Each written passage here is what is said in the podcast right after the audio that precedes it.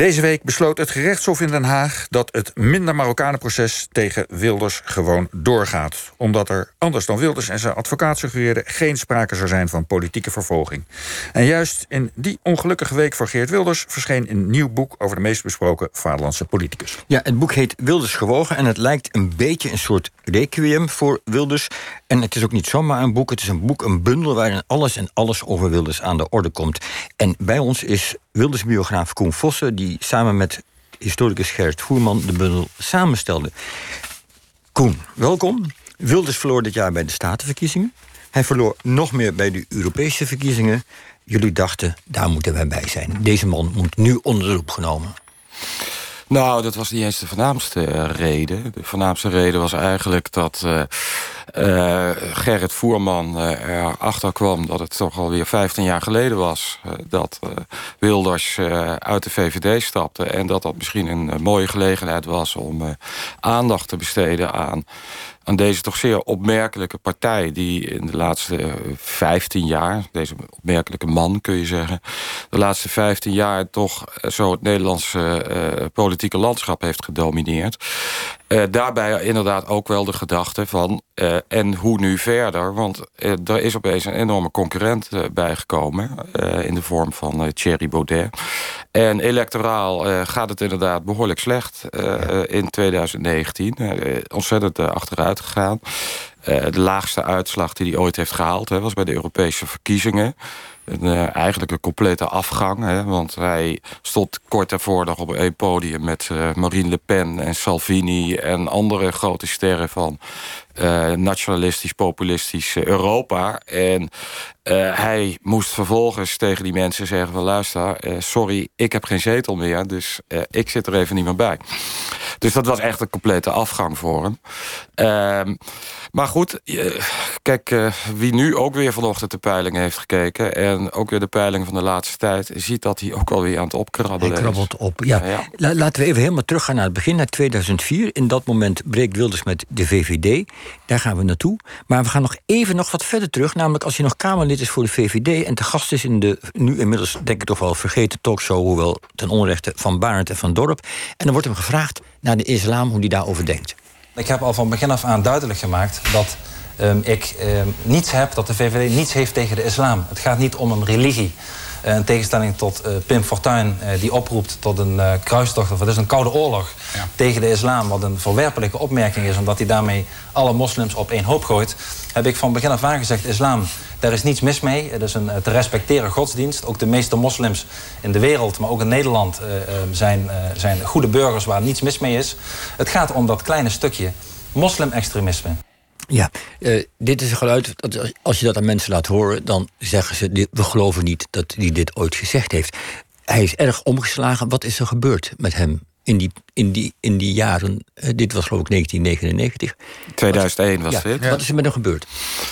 Uh, ja, um, kijk, dat kleine stukje moslim-extremisme waar hij het over heeft... dat wordt in zijn hoofd steeds groter en groter. En totdat het eigenlijk de hele islam omvat. En uh, wanneer is dat proces zich gaan afspelen? Dat, ja, je ziet daar tekenen van uh, rond 2005. Daar begint het steeds kritischer. Uh, rond 2006 bij de campagne voor de Tweede Kamerverkiezingen... komt hij met een geruchtmakende opmerking... over een tsunami van islamisering die over Nederland gaat komen. dat blijkt uh, dan ontzettend veel uh, reacties op te roepen. Vooral bij Alexander Pechtold, die op dat moment uh, zeer slecht ervoor stond. die grijpt dat eigenlijk aan en hij merkt... hé, hey, met die islam, daar heb ik toch wel iets goeds te pakken. Daar provoceer ik blijkbaar tegenstanders mee. Want plots krijgt hij heel veel aandacht. Was dat de sleutel tot zijn succes? Of wat zou je de sleutel tot zijn succes noemen? Uh, nou, toch, toch wel uh, dat. Uh, dus dat hij. Het, het, leek een tijdje lang met zijn nieuwe partij dat hij, dat hij niet eens zetels zou halen. Maar hij komt erachter door een flinke provocatie te plaatsen. Dan lok ik tegenreacties ja. uit. Maar dat had Fortuyn toch ook al op precies dezelfde manier gedaan. Waar ja. hij in dit fragment wat we net hoorden nog tegen ageerde. En ja. hij gaat in feite hetzelfde doen. Ja, zeker. En dat is een soort garantie op succes kennelijk. Nou, uh, inderdaad. Wil, en... Wilders die ontdekt uh, dan en um, die, die, die perfectioneert het. Een strategie waarbij je uh, Rutte heeft het ooit een stuk rood vlees genoemd... Hè, waarbij je in ieder geval met een provocatie komt. Die provocatie die leidt vervolgens over het algemeen... tot een reactie van bijvoorbeeld een bekende Nederlander. Nou, ik hoorde net dat het over Freek de Jonge ging. Dat is bijvoorbeeld of Peter R. de Vries of uh, Prem. Of, die reageren daar dan heel heftig op... en die roepen op tot een soort... Uh, ja, bijna een soort strijd wordt het dan. Van ik tegen, tegen Wilders. En de Wilders merkt dan, dan zullen heel veel mensen voor mij kiezen. En dan gaat daar het debat weer over de hele tijd. En uh, als het ware creëert hij daarmee een soort uh, uh, strijd in de media... die het volk dan toekijkt. En waarbij hij ja, een soort tweestrijd maakt. Hij maakt van zichzelf als het ware de volksheld van... Ja. Die, de, de elite wil me niet zie wel, ik ben de stem van het volk. Dat, dat is de tactiek. En, en, de tactiek is ook zo slim, omdat van de andere kant men maar niet lijkt te begrijpen... dat hij wil dat mensen heel erg boos worden. Hij wil dat Peter R. de Vries uh, boos wordt en Freek de Jonge. En dat is precies wat hij nodig heeft. Um, dus dat ontdekt hij dan. Hè. Dan begint het met Pechtold. Hè. Waarom doet Pechtold dat op dat moment? Die doet het omdat D66 er slecht voor staat. Dus die twee, die, die ontdekken elkaar als elkaars perfecte opponenten. Nou, dat levert ze beiden veel op. Uh, wat bij Wilders inhoudelijk ook meespeelt... waarom hij die islam op een gegeven moment steeds wel een groot probleem gaat zien, is en hier begeef ik me een beetje op glad ijs, want ik ben geen psycholoog. Maar het feit dat hij natuurlijk onder permanente beveiliging staat, hè, sinds uh, de moord op Van Gogh, uh, heeft zijn opvatting over de islam, laat ik het zo zeggen, niet gerelativeerd. Hè. Het is bijna een permanente bevestiging mhm. dat er iets mis is met die islam voor hem. Dat is ook een beetje begrijpelijk, toch? Ja, ja, nou ja, dat, uh, er zijn ook wel studies verricht naar mensen die permanent beveiligd worden. Dat, dat die ja, wat minder uh, relativeringsvermogen uh, hebben. Als, als je naar, naar zijn werkwijze kijkt, naar, naar de geschiedenis van de afgelopen 15 jaar. Het, het, het lijkt, je zei net, het krabbelt weer een beetje op. Maar goed, er is toch een ernstige klap uitgedeeld met die verkiezingen dit jaar. De Europese en de Statenverkiezingen.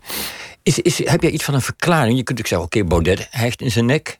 Maar zit er ook in het gedrag van Wilders zelf iets... dat hij bijvoorbeeld te extreem geprovoceerd heeft... dat, dat, dat men een beetje Wilders moe is, het, iedereen het kent? Hoe, wat is jouw verklaring? Ik denk dat er verschillende uh, dingen spelen. Uh, allereerst in 2017, toen uh, leek hij echt aan de vooravond van een grote machtswisseling te staan. Hele, alle buitenlandse media kwamen naar Nederland. Ik heb zelf tientallen buitenlandse journalisten destijds te woord. Je was ineens een wereldhistoricus even voor, voor een dag. Ja. nou, zo voelde het af en toe wel, inderdaad. Dus die kwamen allemaal naar Nederland en toen werd Wilders overschat. Hij werd heel duidelijk overschat. Men, men, men dacht dat hij groter was dan hij was. En die uitslag viel tegen. Ik denk dat hij ook tegenviel. Omdat Wilders heeft zich heel sterk verbonden met buitenlandse geestverwanten. Als uh, Le Pen, Salvini, maar ook Trump. Mensen keken toch wat er in het Witte Huis gebeurde met Trump allemaal. En dat ja, dat kan dus positief uitpakken voor Wilders. Maar het kan ook negatief uitpakken. En op dat moment was het net chaos toen die verkiezingen waren. Dus die uitslag viel al wat tegen. Uh, wat Trump deed, dat, dat, dat kwam toch ook, uh, werd ook Wilders aangerekend. Uh, vervolgens zie je dat Baudet vrij knap uh, de media weet uh, te bespelen. Daar is ook behoefte aan een nieuw iemand. Hè, dat zie je ook wel. Ja. Eindelijk zijn we van Wilders af. Eindelijk hebben we een leuk nieuw iemand met een uh, nieuw verhaal, met een piano en met naakt liggen. ja, en, en niet de indruk wekt een, een, echte intellectueel te zijn. Is dat niet wat ja. mensen ook aantrekkelijk vinden en wat, waaraan Wilders niet zo goed kan voldoen aan dat beeld? Nou ja, het, het, biedt uh, Baudet in ieder geval een, een. Het is een duidelijk merk, hè, zoals, het dan, uh, zoals je het kunt noemen. Hè. Dus daar, daar hoort uh, allerlei attributen bij. En bij Baudet zijn dat wat andere attributen, zoals inderdaad zijn vermeende intellectualisme en, en zijn klassieke opvoeding en dergelijke. Ja, dat, dat, dat hoort er een beetje bij. Dat dan eh, zie je vervolgens die dynamiek komen... dat alles gaat op, uh, uh, wordt op Baudet gericht. Dat wordt een, toch ook een self-fulfilling prophecy. Hè? De media zeggen, hij wordt het. En dan denken mensen van, oh ja, oké, op die trein moet ik nu springen. dan komt die overwinning voor, voor Baudet... En dan zie je eigenlijk de, de grote problemen die er al langer speelden... die zie je ook bij hem komen, bij, de, bij het Forum voor Democratie. waarbij daar eh, de vraag die je net stelde: van, is Wilders te extreem? Nou, je ziet dus juist uh, dat het misverstand soms is dat veel van die kiezers uh, te ehm, een gematigd geluid willen, maar veel willen juist een vrij extreem geluid.